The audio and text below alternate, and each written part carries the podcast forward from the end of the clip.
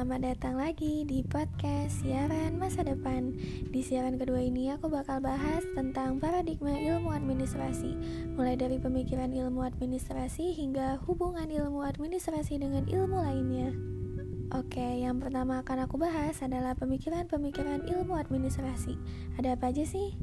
Jadi, setiap pemikiran tentang administrasi selalu diawali dari pemikiran Henry Fayol dan Frederick Winslow Taylor. Henry Fayol disebut sebagai bapak administrasi atau father of modern operational management theory. Fayol menggunakan pendekatan berdasarkan atas administrative management atau manajemen administrasi, sedangkan Taylor karena pengalamannya berdasarkan analisa atas operative management atau manajemen operatif.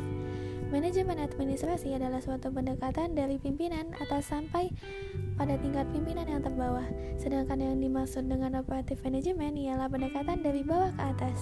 Fayol memberikan tiga sumbangan besar bagi pemikiran administrasi dan manajemen, yaitu aktivitas organisasi, fungsi dan tugas, dan prinsip-prinsip administrasi dan manajemen. Fayol juga merumuskan fungsi-fungsi administrasi atau fungsi-fungsi manajemen, yaitu planning, organizing, commanding, coordinating, dan controlling.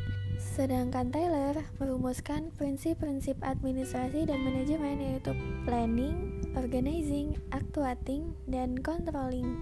Kemudian ada Frederick Winslow Taylor yang mengemukakan pendekatan dengan analisa dari bawah ke tingkat yang lebih atas dengan titik berat pada efisiensi dan produktivitas para pelaksana yang ada di tingkat bawah. Sistem berpikir dalam ilmu administrasi yaitu menyadari bahwa segala sesuatu berinteraksi dengan perkara lain di sekelilingnya meskipun secara formal, prosedural, mungkin tidak terkait langsung atau secara spesial berada di luar lingkungan tertentu. Selain itu, ada berpikir holistik, berpikir teoritikal, berpikir menggunakan ilmu, berpikir perubahan, berpikir atas ketidaksetujuan, dan berpikir berlaku etis. Selanjutnya, kalian tahu gak sih hubungan ilmu administrasi dan ilmu lainnya? Nah, ilmu administrasi masuk ke dalam kategori ilmu terapan, sehingga dalam penerapannya administrasi memiliki kaitan atau hubungan dengan ilmu sosial lainnya seperti administrasi dengan ilmu politik.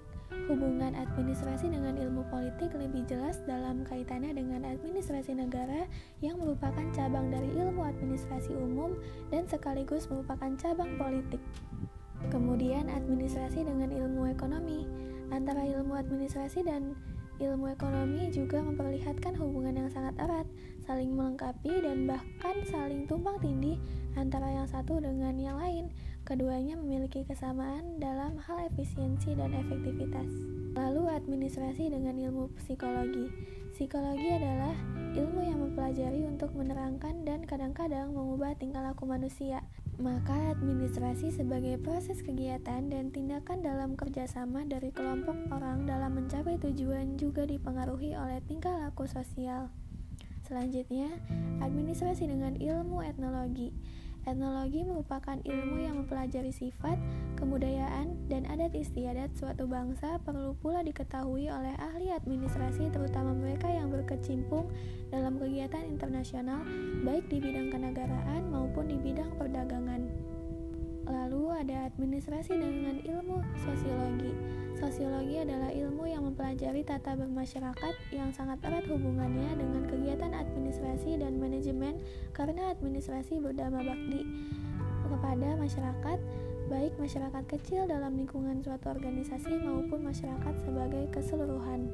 Lalu ada administrasi dengan ilmu sejarah untuk dapat menarik pelajaran dan pengalaman masyarakat, bangsa, dan pemerintahan yang lalu agar segi-segi positifnya dapat lebih dikembangkan lagi dan segi-segi negatifnya tidak terulang kembali.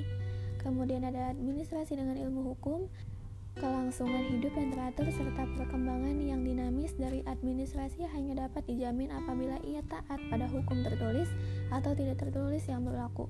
Ilmu hukum yang mempelajari norma-norma dan kaidah-kaidah hidup di dalam masyarakat memberi input yang besar dalam perkembangan studi administrasi. Dan yang terakhir ada administrasi dengan ilmu eksak. Statistik merupakan ilmu tentang data dan angka-angka, Salah satu tugas terpenting dari seorang administrator ialah mengambil keputusan.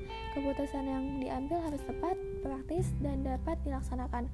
Untuk memenuhi syarat-syarat keputusan yang demikian, seorang administrator perlu memiliki data dan informasi yang lengkap, up to date, serta dapat dipercaya dan tersusun dengan sistematis. Nah, gimana nih? Udah tahu kan pemikiran ilmu administrasi dan hubungan ilmu administrasi dengan ilmu lainnya? Menarik banget ya. Oke deh teman-teman, aku cukupkan sampai di sini dulu ya. Sampai ketemu lagi di podcast berikutnya.